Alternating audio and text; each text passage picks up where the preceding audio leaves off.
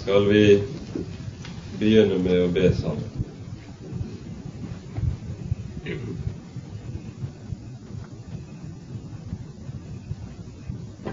Kjære du hellige og trofaste Gud.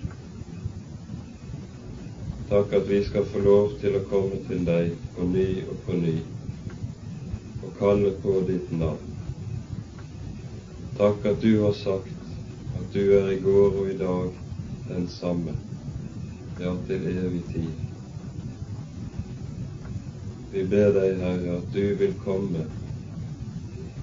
og tale til oss her. Og vi ber at du vil åpne våre ører og våre hjerter, at vi kan høre deg og ingen annen. Lukk opp ditt ord slik at vi kan få se noe av din herlighet og din godhet. Du som er Herren, vår konge.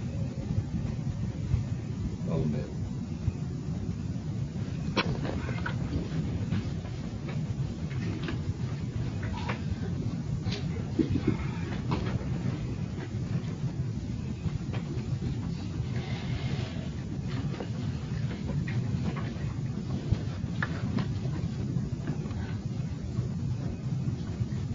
Det vi altså var sammen sist gang, var hvordan Messias-profetien i Det gamle testamentet tar et helt markant skritt fremover i forbindelse med Davids kroning til konge. Vi leste fra andre Samuels bok syvende kapittel, hvor profeten Natan kommer og til David når han har satt seg for å bygge tempel for Herren, så kommer Herren tilbake til David og sier du skal ikke bygge Herren et hus, men han skal bygge deg et hus. Og vi ser hvordan dette siden foldes ut i profetien om Herrens hus, som skal bli et bønnens hus for alle folkeslag. Et sted der Herren vil glede alle folk. Og dette hus det skal bygges av Guds egen Messias.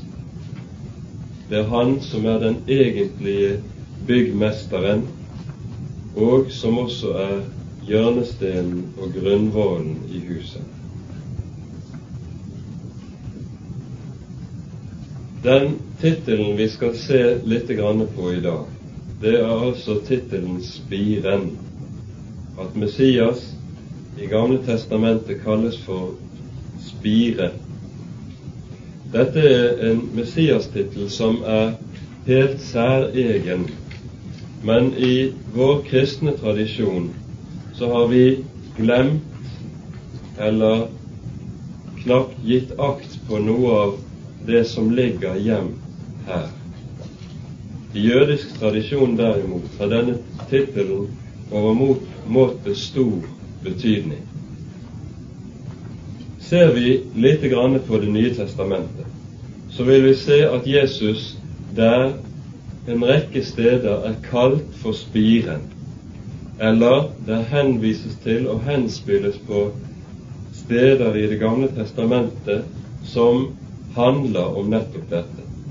Vi kan bare lese fra Johannes' åpenbarings 22. kapittel som eksempel.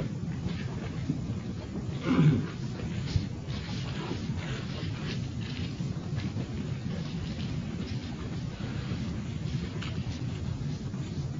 begynnelsen av det 22. kapittelet her er det tale om det livets tre som adgangen er åpnet til etter at adgangen tidligere har vært stengt helt fra syndefallets dag.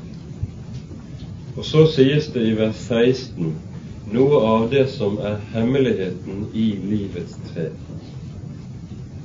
Jeg, Jesus, har sendt min engel for å vitne dette for dere og menigheten.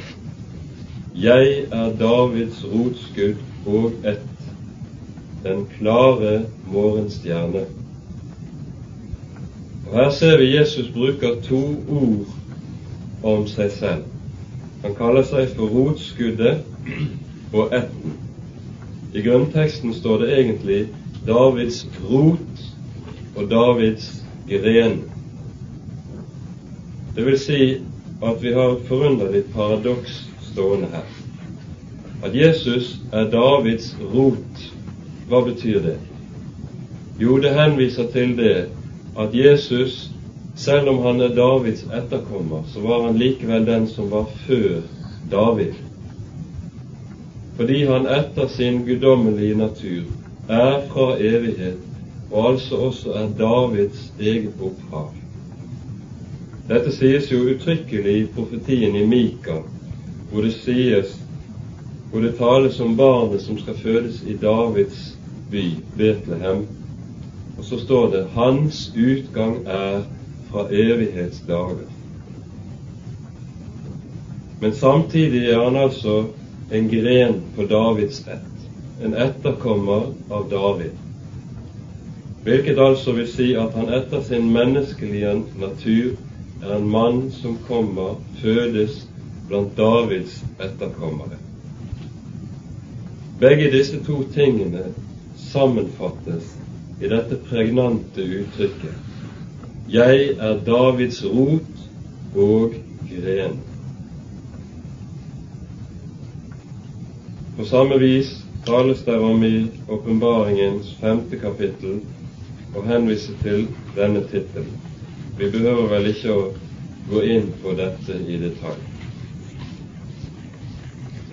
Men i Matteus 2 har vi en annen henvisning som på forunderlig måte henspiller til denne Messias tittel.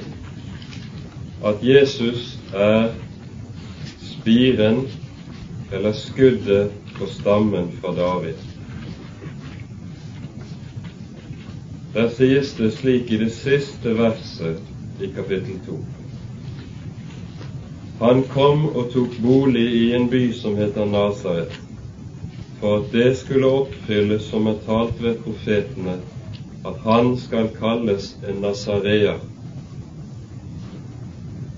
Dette ordet har gitt mange gransker i Det nye testamentet grå hår i hodet. For man har lett etter det stedet hvor det står at Messias skal kalles for en nasareer. Men fromme jøder som kunne sin hebraisk, visste godt hva dette betød. For ordet spire heter på hebraisk nettopp notser eller nedser det som er grunnstammen i ordet natsarea, Natsre eller Natsri, som det ville blitt sagt eller uttalt på det språket. Og så sies det altså i denne profetien at det er en hemmelighetsfull sammenheng med Messias navn. I Det gamle testamentet brukes det også en rekke andre ord og uttrykk for å beskrive noe av dette som ligger i dette Messias navn. Det tales om å skyte skudd, skyte friske skudd, å gro eller å vokse. Og dermed er vi inne i noe av det som er et gjennomgangstema i hele Bibelen. Og det er viktig for oss å være klar over dette, nemlig at treet går igjen som symbol, som grunntema, tror jeg vi kan si, gjennom hele Den hellige Skrift helt ifra første begynnelse, hvor det er tale om to som er i en hage som har som sentrum livets tre og treet til kunnskap om godt og vondt.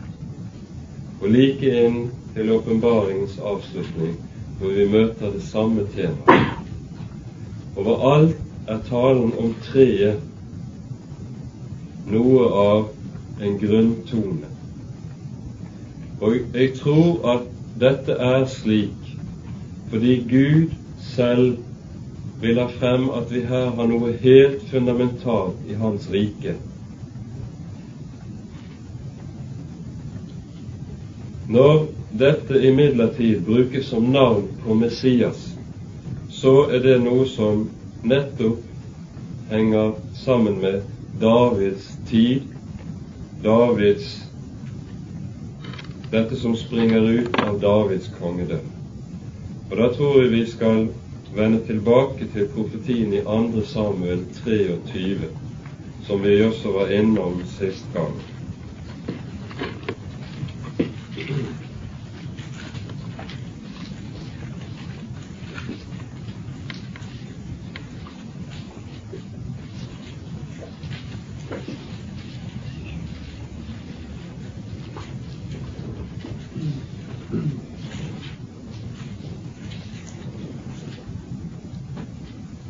Her, her møter vi altså det vi kalte for Davids åndelige testament, der David bare er opptatt av én eneste ting, han som er den lovede frelser, og som skal bringe liv og velsignelse, ikke bare til Israel, men til alle folkeslag. Så leser vi fra vers 3. Israels Gud har talt. Til meg har Israels klippe sagt. Der skal være en hersker over menneskene, en rettferdig, en hersker i Guds frykt. Han skal være lik morgenens lys når solen går opp, en morgen uten skyer, når ved solskinn og ved regn gresset spirer frem av jorden.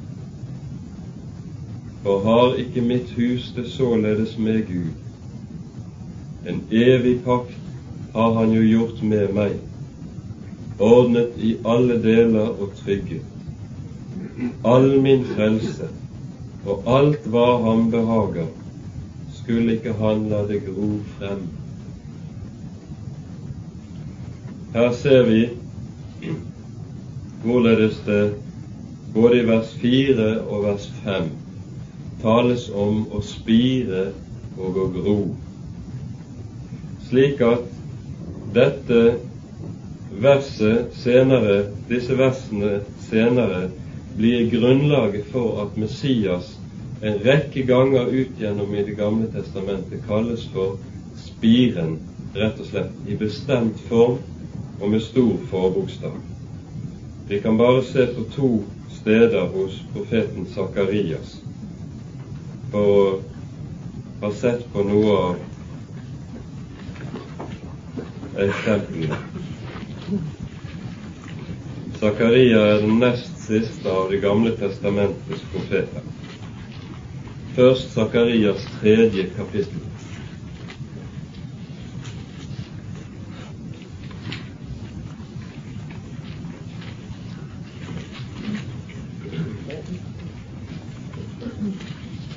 Zakarias tredje kapittel. Og Der leser vi fra vers åtte.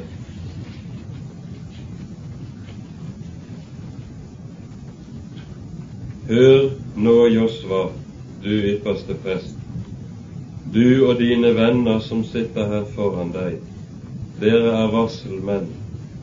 For se, jeg lar min tjener Spire komme.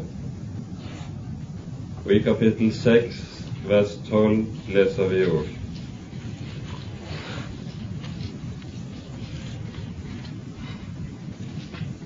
Så sier Herren, herskarenes Gud, se, det skal komme en mann som heter Spire. Han skal spire frem av sin rot. Han skal bygge Herrens tempel.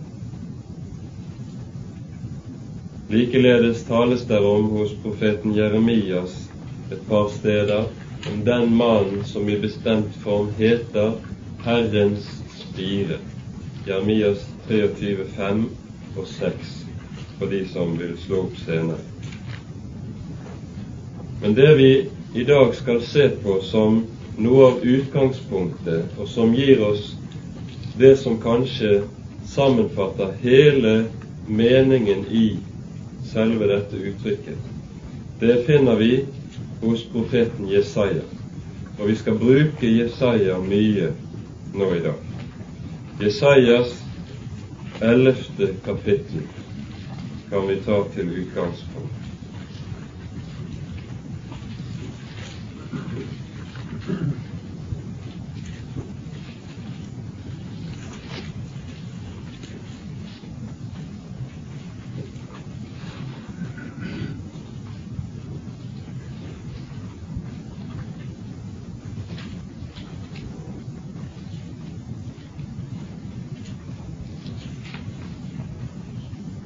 Her sies det slik i denne profetien som alle kjenner nettopp som en Messias-profeti. En kvist skal skyte frem av Isais stubb, og et skudd fra hans røtter skal bære frukt. Herrens ånd skal hvile over ham, visdoms og forstandsånd, råds og styrkes ånd, den ånd som gir kunnskap om Herren og frykt for ham. Her er hovedtemaet angitt.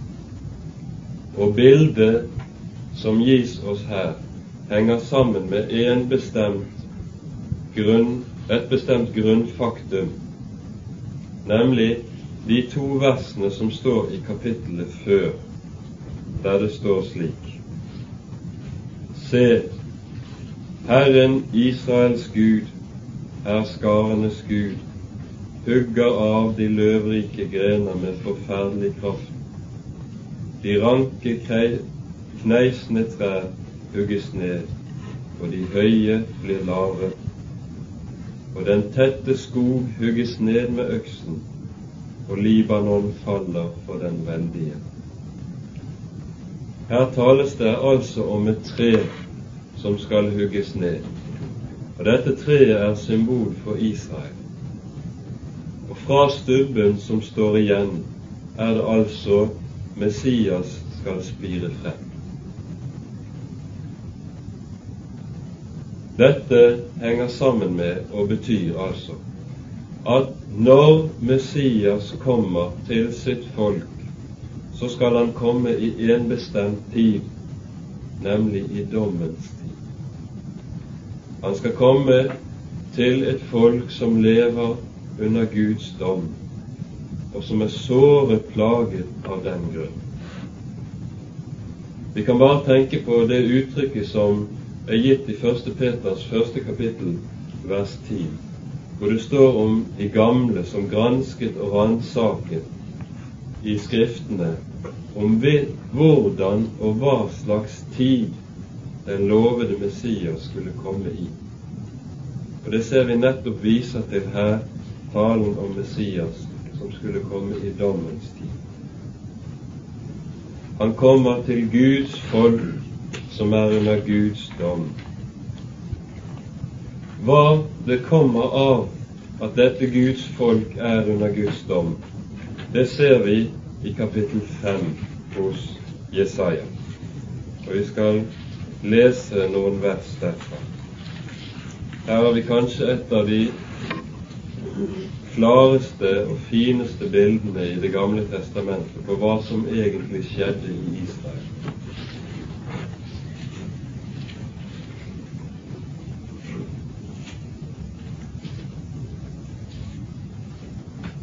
Jeg vil synge om min elskede, synge min venn sang om hans vingård. Min venn hadde en vingård på en fruktbar haug han gravet den om og renset den for stein, og plantet edle vintrær i den, og bygget et tårn i dens midte og hogg også ut en perse i den. Og han ventet at den skulle bære gode druer, men den bar ville. Og nå, dere Jerusalems innbyggere og Judas menn, døm mellom meg og min vingård hva var det mer å gjøre med min vingård som jeg ikke hadde gjort med den? Hvorfor bar den ville druer når jeg ventet at den skulle være gode? Så vil jeg nå la dere vite hva jeg vil gjøre med min vingård. Jeg vil ta bort dens gjerde, så den blir avgnaget. Jeg vil rive ned dens mur, så den blir nedtrådt og jeg vil la den ligge øde. Den skal ikke skjæres og ikke hakkes, og så den skyter opp i tårn og tister. Og skyene vil jeg by at de ikke skal la regn falle på. Israel, som altså er avbildet som vintreet, har ikke båret frukt for Gud. Tvert imot. I stedet kom der bitter frukt, der kom torner og tistler. Og dette enda Gud hadde spandert usigelig mye på dem. Hva var det mer å gjøre med min vingård som jeg ikke hadde gjort, sier Gud. Han hadde ikke unnlatt noen ting. Han hadde ikke spart på noen ting. Alt var gjort ferdig. Alt var fullkomment. Den var anlagt på en fruktbar haug. Det var ikke skrinnjord det sto i. Han gravet om og drenerte, sørget for jordsmonnet, gjødslet og ordnet alt. Han ryddet for stein, slik at det intet manglet. Og her avbildes Gud for oss som den som arbeider for å plante sitt folk, og så la dem skyte rot for at de siden skal bære frukt. Og dette er noe som har kostet Gud mye. Og de som arbeider med vingårder, de vet at det å anlegge en slik vingård, det er noe som koster mye, mye slit. Alt dette hadde Gud spandert, og ingenting hadde han unnlatt som kunne være til det gode. Intet var overlatt til tilfeldighetene. Ingenting manglet. Ingenting gjensto for Israel å pynte på eller legge til det Gud hadde gjort. Allikevel er det bitter frukt. Allikevel er det tårn og tistel. Herren kommer og ser etter frukt og finner ingenting. Og her skal vi også være klar over noe av det som er karakteristisk i Bibelen. Når Gud kommer for å gjeste sitt folk, når Han kommer på visitas, så å si, så ser han etter frukt. Han ser ikke etter andre ting, slik vi gjør det. Han ser ikke etter om det er rikelig med blomsterflor, om bladverket er tett og fint og storartet, eller om treets stamme er stolt og rank og kneisende. Alt dette er fullstendig underordnet i betydning. Det er bare én ting han ser etter, om det er frukt. Om stammen er liten og puslete, spiller ingen rolle. Om det knapt finnes blader, har ingen betydning. Om det er så som så med blomstringen, det betyr også lite. Frukt er det han ser etter. Vi lar oss blende av alle de andre tingene når vi skal se på og vi skal bedømme det som foregår. Gud lar seg ikke lure av det vi gjør. Og så var det mer enn nok av alt dette andre, men det manglet det ene som Gud så etter. Og så må Gud gjøre én ting, det ene som er nødvendig. Han hugger alt ned, alt dette som var kommet utenom, og som var unødvendig, og som ikke hadde noen hensikt egentlig. Alt det som var den falske herlighet, om vi kan si det slik, det tar han bort. Og så skjer det som vi leste om i Isaias 10, at han hugger ned på de laurike grener med veldig kraft. Eller sånn som det står om døperen Johannes.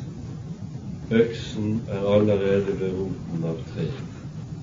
Vend om, Israel, og bær frukt som er omvendelsen verdig.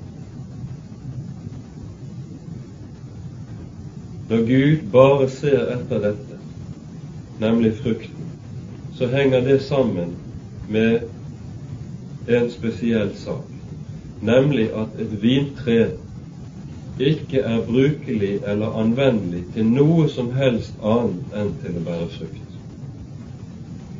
Og dette gjøres det et nummer av hos profeten Esekiel i det 15. kapittel.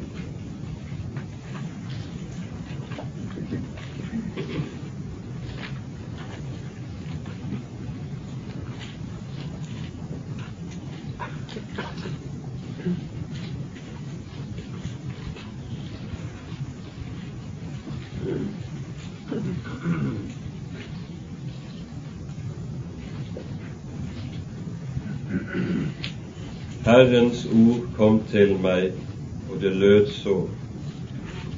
Menneskesønn, hva har veden av vintreet forut for annen ved?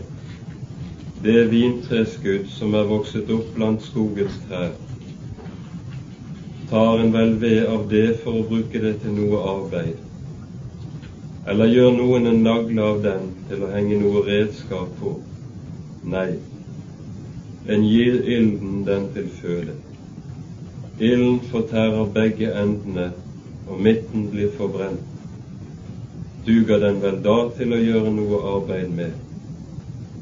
Mens den ennu var hel, bruktes den ikke til noe arbeid. Hvor meget mindre når ilden har fortært den, og den er forbrent, kan den enda brukes til å gjøre noe arbeid med. Derfor sier Herren Israels Gud så, som det går med veden av vintreet blant skogens trær, den som jeg gir ilden til føde, således gjør jeg med Jerusalems innbyggere. Altså, vintreet kan ikke brukes til noe. Veden, grenene i treet, den er så myk at den ikke er brukbar til å lage noe av den. Slik at om det ikke hadde vært frukt, så kunne man i hvert fall anvendt det til andre ting. Nei, den er så myk og bøyelig at intet kan den brukes til. Ikke engang til å henge, en knagg til å henge på veggen, sies det. Derfor gis den ilden til føde. Og da blir den jo enda mindre brukelig. Gud har skapt vintreet for ett formål, for frukten sin del, så er det det han ser etter.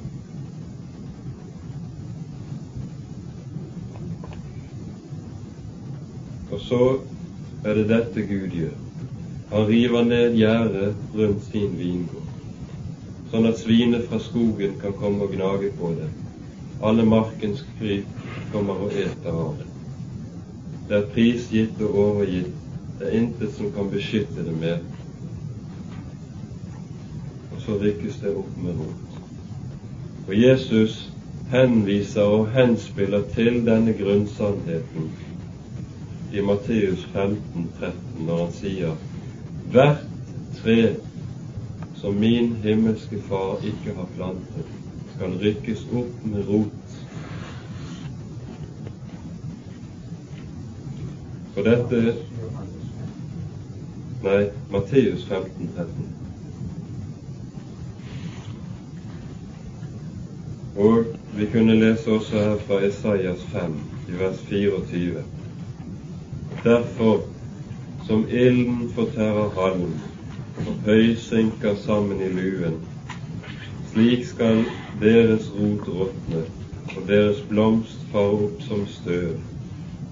For de har forkastet Herrens, herskarenes Guds lov, og foraktet Israels helliges ord. Dette holder altså Gud på med i Israel, med det som er hans eget utvalgte folk, til det ikke er noe igjen annet enn en stubbe som så vidt stikker opp over markens jord. Da kommer hans Messias. Og dette er nettopp det vi ser skjer rent frelseshistorisk. Et skudd skal skyte frem av Isais stund. Det, det skal være frukt. Altså når hele Israel har vært fruktløst og goldt, og ingenting har brakt Herren, så kommer det en som bærer frukt og hans oppgave var nettopp å bære frukt på hele Israels vegne, for at hele Israel skulle få ete av den og bli mett. De som ikke hadde båret noe, og som var golde, de skulle få lov å ta til seg næring av ham. Han kommer altså til det folk som er under dommen, til de som er slått til jorden, og som ingenting har igjen i det hele tatt. Og Derfor sies det også i kapittelet om Herrens lidende tjener i Jesajas 53 helt karakteristisk hvem trodde det budskap vi hørte, og for hvem ble Herrens arm åpenbaret? Så han skal skyte frem som en kvist for Herrens åsyn, og som et rotskudd av tørr jord. Når han kommer, så kommer han altså som den som skyter frem av tørr jord. Hva betyr det? Hva er det som kan gro i tørr jord? Ingenting. Der er det nemlig ikke forutsetning for liv. Og dette sier oss at selve Jesu komme er et usigelig under. Han kommer og spirer frem av tørr jord når man minst av alt kunne vente det. Ja, når alle trodde det var umulig at nå kunne Gud frelse. Da spirer han frem. Og for dem som syntes det var umulig og alt var låst, for dem for deres skyld er det han kommer. Da begynner det også å bli frukt i landet, når alt annet er revet ned.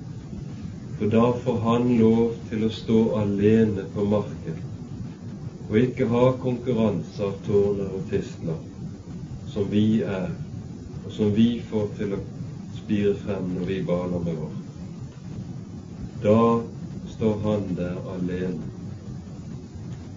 Og dette henvises der til i det fjerde kapittelet hos Esaias, hvor det nettopp er tale om Herren som kommer til dom og river vekk og ødelegger all Israels herlighet, som så fint ut og som så flott ut, slik at hvis man betraktet det fra utsiden, så ville det se ut som at nå var Israel i hvert fall velsignet av Gud, fordi de hadde slik medgang og slik velsignelse tilsynelatende og ytre sett. Alt det rives vekk, slik at det tilsynelatende nå ser ut at nå er de forkastet, nå er de fordømt, nå er de overgitt og har fått Gud til fiende, så han aldri vil se dem for sine øyne mer. Da kommer Messias til dem som lever slik, og så sies det og den dag skal Herrens spire være til pryd og herlighet, og landets frukt til stolthet og til pryd for de unnkomne av Israel. Det skal skje. Den som blir igjen på Sion og levnes i Jerusalem, skal kalles hellig. Hver den som er innskrevet til livet i Jerusalem når Herren får avtvettet Sions døtres urenhet og får vasket Jerusalems blodskyld bort fra dets midte, ved domsånd og ved renselsesånd. Dette er Messias, spirens verk og gjerning. Han er det gode tre som bærer god frukt. Han alene Egentlig er det ingen andre trær som bærer god frukt. Alle vi er onde trær som ikke har båret noe annet enn ond frukt, hvis vi ser det med Guds målestokk. Han alene har båret god, god frukt. Og så ser vi hvordan Gud her handler nettopp som en klok og erfaren gartner. Bærbuskene må beskjæres, frukttrærne må beskjæres og klippes. Og for en utenforstående som ikke har greie på det, vil det se uhyre hårhendt ut. Men gartneren vet hva han gjør. Det må beskjæring til for at det skal kunne bli frukt i sin tid. Og så åpenbares den grunnlov i Guds rike på ny, som vi har vært innom mange ganger i 1. Samuel 2. Herren døder og gjør levende. Han fører ned i dødsriket og fører opp derifra. Når han skal skape liv, så gjør han det nettopp ved å døde og drepe noe hos oss hvetekornet som må falle i jorden og dø for at det skal bli noe mer. Dette var altså frelseshistorisk bakgrunnen for at Jesus Messias kalles for spire. Men det stanser ikke der. Dette er nemlig også det som er det karakteristiske i hans stell med oss i våre liv. Når det står at han er rotskuddet som spirer frem av tørr jord, så er jo det nettopp noe som er gitt til oss i våre liv. Det som særmerker Guds gjerning når Han kommer med oss for å ta seg av oss og stelle med oss. Der hvor det ikke er noen forutsetning for liv, i det hjertet som føler seg tørt som en ørken og utarmet og ubrukelig, slik at man kjenner det som at her er det umulig for Gud å komme til. I den tørre jorden er det han også spirer frem. Det er der og bare der han kan gjøre sin gjerning. Der hvor det ser umulig ut at Gud skulle komme der spirer han frem. Fordi da blir det tydelig for all verden at her er det Gud som er på ferde. Dette er ikke menneskers verk og ikke menneskers gjerning. Da blir Guds navn stort, og han alene får lov til å bli lys for sine. Vi kan se noe av denne sannheten belyst i det 41. kapittelet hos Esaias.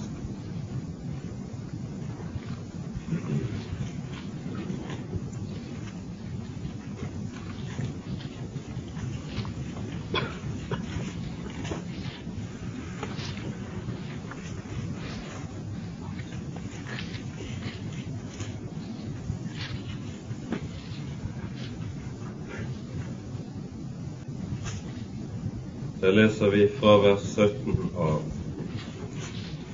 For dette er et ord som nettopp er gitt til Israels folk når de hadde det som tyngst og som vanskeligst.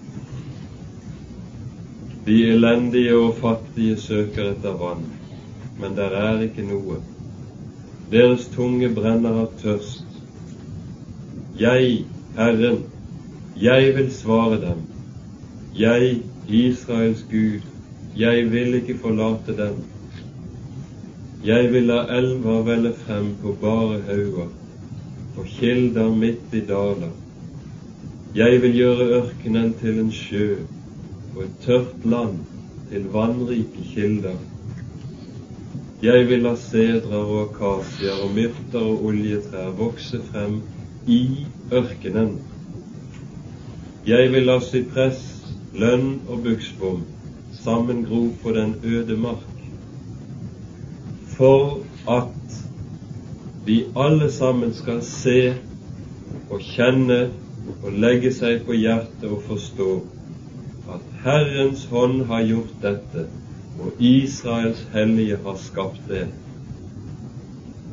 Altså, det sies med fire forskjellige uttrykk at dette gjør Gud for at alle skal vite hvem det er som handler og står bak i denne gjerning. Det er ikke noe under om det blomstrer i vannrike hager.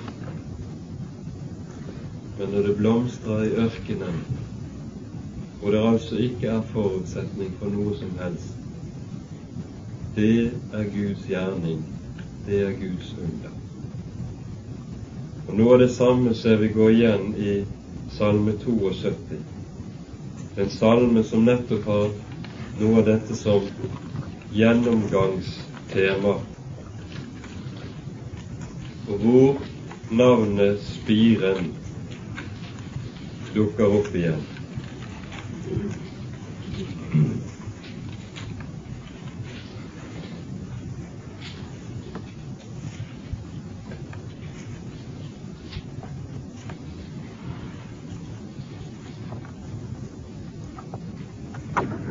Utgang fra evighetsdager i Mika 5, 1 og 2. Han skal fødes i Betlehem, i Davids by. Vi kunne regne opp en rekke lignende ting. Men jeg tror vi skal komme tilbake til noe av dette som er forgjettelsen i 2. Samuels boks syvende kapittels grunntone, nemlig talen om Han som skal bygge Herrens hus. For det er altså tydelig at Salomo, når han bygger tempelet i Jerusalem med megen herlighet, så er Salomo bare et forbilde på denne fredsfyrsten som skal komme. Og vi ser altså at dette huset skal den som egentlig bygger, han er Herren selv. Og dermed aner vi at det allerede er gitt og sagt sånn som det er forutsatt i de tidligere Messias-profetier. At denne mann, denne person som kommer, han skal være Gud, og han skal hete Herren. Det første som er gitt. Vi leste i vers 14 her i syvende kapittel Jeg vil være hans far, og han skal være min sønn. Og i Det nye testamentet ser vi hvorledes dette ordet direkte brukes og anvendes på Jesu person. At han er Guds sønn av vesen, født av Gud fra evighet inn i vår slekt. Slik at han er både Davids sønn og Guds sønn i velde. Dette henspilles derfor i en rekke av profetiene i Det gamle testamentet, at denne Davids sønn skal være Gud, at han er noe mer enn bare menneske. Det sies allerede i Salme 2, hvor vi godt kan lese et par vers.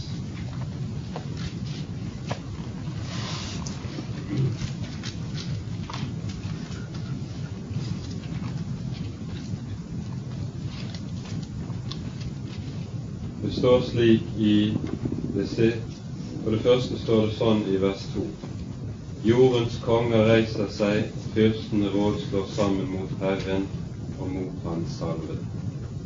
Altså fiendskapet mot Gud ytrer seg alltid i form av fiendskap mot Herrens salvede. Og så står det i vers 12.: Kyss Sønnen, for at han ikke skal bli vred og dere går til grunne på veien. For snart kunne hans vrede opptennes. Salige er alle de som tar sin tilflukt til ham. Altså, her sies det direkte noe som bare kan sies om Gud. Det tales om å ta sin tilflukt til Sønnen, på samme måte som man tar sin tilflukt til Gud selv. Dette, å gjøre dette i forbindelse med noen annen person, kaller Det gamle testamentet for avgudsdyrkelse. Men her sies det altså direkte ut at å ta sin tilflukt til Sønnen og hylle Han som Guds sønn, det er den eneste rette gudsdyrkelse.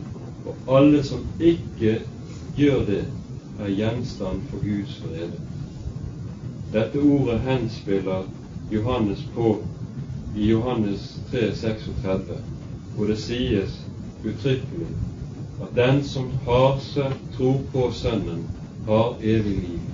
Men den som ikke vil tro på Sønnen, over ham blir Guds fred Altså, menneskene skal ikke lenger dømmes etter hvorvidt de er store eller små syndere, om de er grove og onde mennesker, eller om de er gode mennesker. Den slags teller ikke med i domsavsigelsen. Ett kriterium for dommen, nemlig forholdet til sønn. Intet annet kommer inn i bildet. Videre tales det om i Salme 110, en salme som omtales gjentatte ganger og siteres gjentatte ganger i Nytestamentet. Herren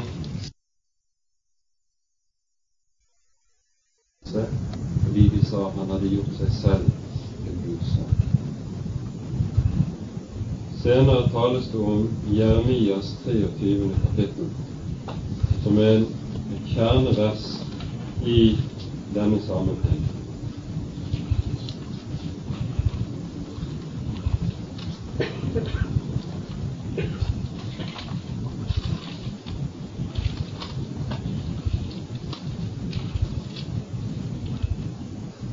Se dager Ja, unnskyld, så sier versen kanskje. 23 vers 5 og 6.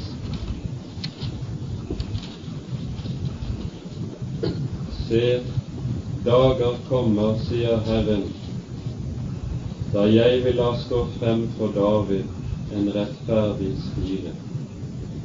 Han skal regjere som konge og gå frem med visdom og gjøre rett og rettferdighet i landet. I hans dager skal Juda bli frelst og Israel godfritt. Og dette er det navn han skal kalles med. Herren, vår rettferdighet. Altså, Herren er jo Guds navn i Det gamle testamentet. Og her sies det uttrykkelig at Messias skal være bærer av Guds navne. Hans navn er Herren. Altså 'jeg er den jeg er', skal kunne sies om Messias. Han er av vesen, av natur, Gud Herren lik. Og som sådan er det han skal bygge Guds hus, det huset som skal stå til evig tid. Det tempelet som aldri skal rives og aldri skal rokkes.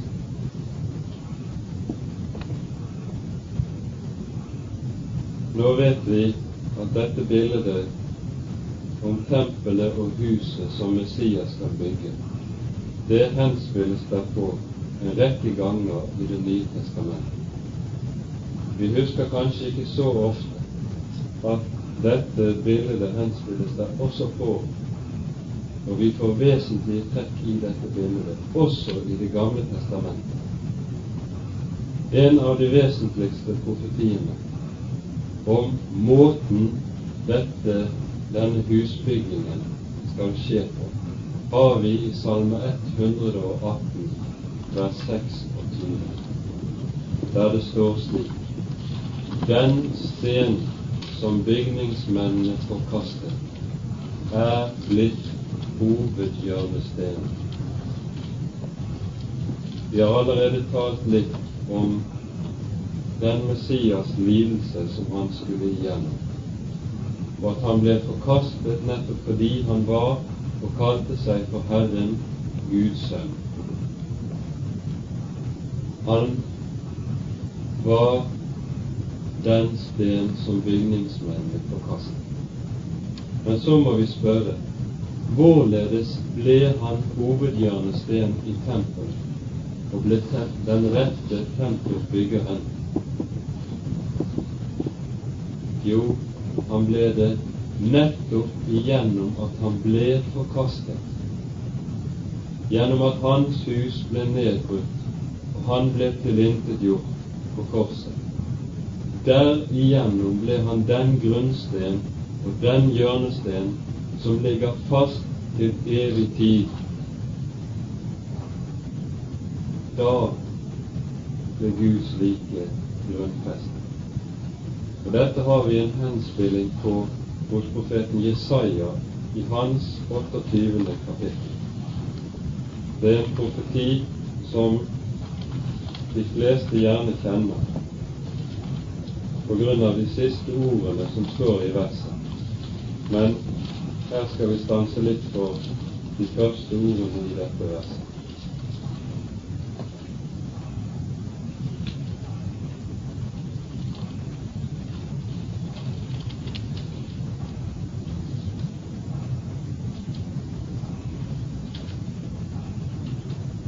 Jesajas 28. kapittel, vers 16 og 17.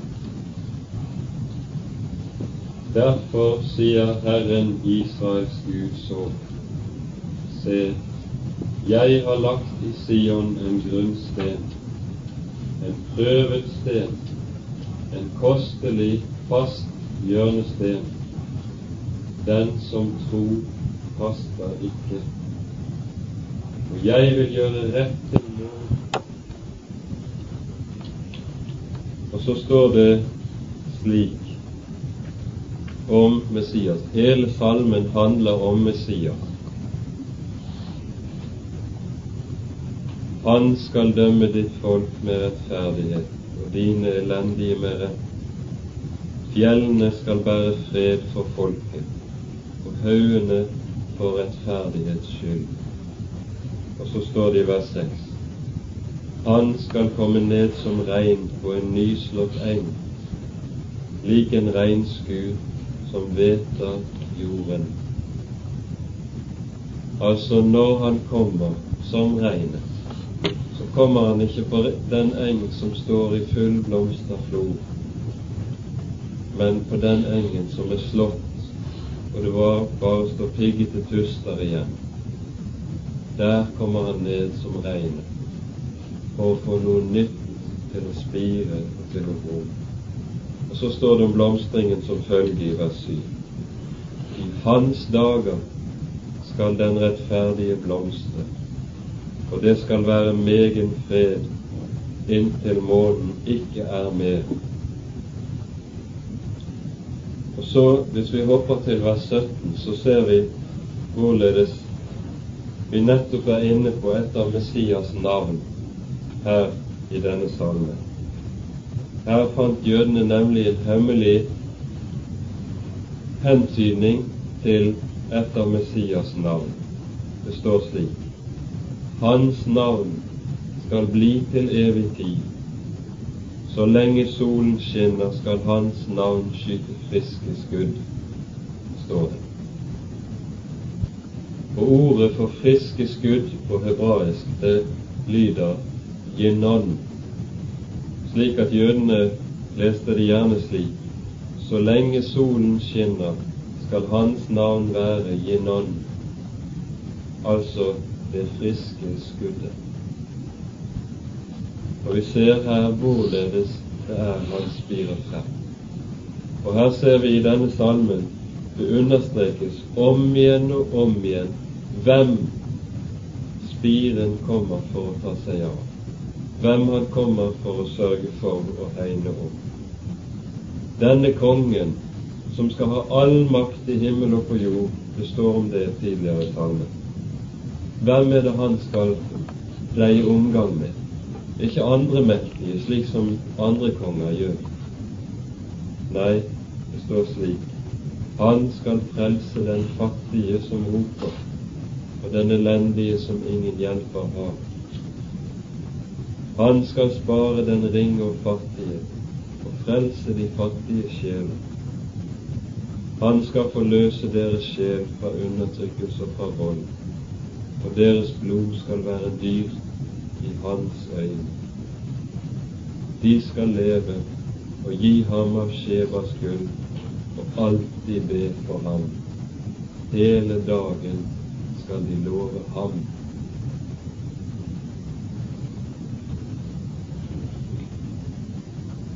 Da bærer fjellene frukt, en frukt som er fred for hele folket, alt Messias folk. Tilsvarende også kanskje, hvis vi kan få lov til å nevne og trekke frem fra Salme 29, et forunderlig uttrykk. Det tales om hvordan Herren gjør sin gjerning ved sitt ord.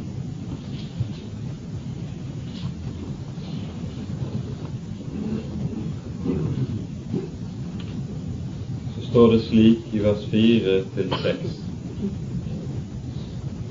Herrens røst lyder med kraft, Herrens røst med herlighet. Herrens røst bryter sedra, Herrens søndag bryter Libanons sedra. Og han får dem til å hoppe som en kalv, Libanon og Sirion som en ung villokse. Her ser vi altså i vers 5 hvorledes sannheten ifra Messias 10 gikk igjen, at han må hugge ned noe. Men hva er frukten av at han hugger ned? Jo, det forunderlige paradokset som det står i vers 6. De går ut og hopper og danser av glede, som kyr som slippes ut fra båsen om våren. Altså, det blir ikke sorg og vedklage om at han begynner å hugge, men frukten er glede. Når Herren døder, så er det for å gjøre levende sånn at det blir følbart at det også er en levende han gjør.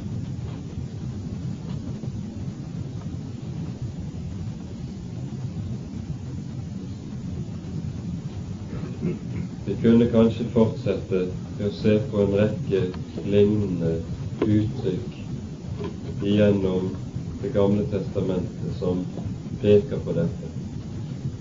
Jeg tror vi slutter med å peke på en siste ting. Når ordet spire brukes om Messias, for han spirer frem av tørr jord, så tror jeg det har noe med en side av hans gjerning å gjøre som vi ofte har vondt for å godta, fordi på grunn av vår vantro. Nemlig hva er en spire? Den er liten og unnselig. Det er ikke noe imponerende og storslagent over den. Tvert om stille og ubemerkelig kommer han, og så bærer det frukt i sin tid. Dette ser vi i Isaias 53, hvor det nettopp er tale om Messias gjerning når han spirte frem av den tørre jord. Så sies det i dette samme verset han hadde ingen skikkelse, han hadde ingen herlighet, han hadde ikke et utseende så vi kunne ha vår glede i ham. Altså alle de som var på jakt etter det flotte og storartede, det sensasjonelle som kunne begeistre de store masser. De fant ingenting. Han var en liten spire som kom i det stille. For det er bare Han som kommer i det stille, som kan trøste de som er søndagknust og sønderbrutt av hjertet. Ingen som farer frem med de store ord fra det så er det karakteristisk for hans gjerning også i dag at han kommer i det stille og i det små. Helt ubemerket, kanskje, av de store mengdene, og lite påvaktes fordi det ikke er noe imponerende ved det han gjør. Men når han kommer, så kommer han nettopp som den som steller med det som ikke er synlig. Og Derfor står det slik i Messiah 37, 31. Den rest som har sluppet unna av Judas hus, de skal skyte dypere rot, rot nedentil, og så bære frukt oventil. Altså hans sak og hans virke er å stelle med røttene hos sitt folk. Og røttene de ser vi ikke stort til. De ligger under jorden. Men får han lov til å stelle med oss der, og ikke bare på overflaten, så skal det også bli frukt i sin tid, når det spirer frem.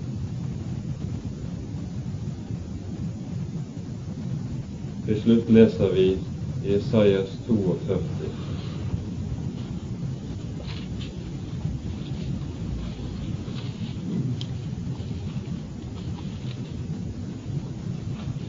Her har vi talen igjennom den Herrens tjener som var utrustet med Ånden, og som altså spirte frem og bar frukt.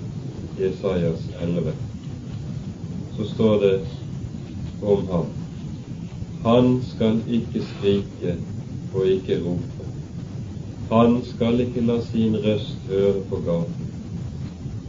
Det knekkede rør skal han ikke knuse, og den rykende tande skal han ikke slukke. På rette måten skal han føre retten ut til dem. Han skal ikke bli mødig, og hans kraft ikke bli knekket, før han får grunnlagt retten på jorden, og på hans lov venter øen. Dette holder han på med for at han skal kunne skyte friske skudd så lenge solen skinner.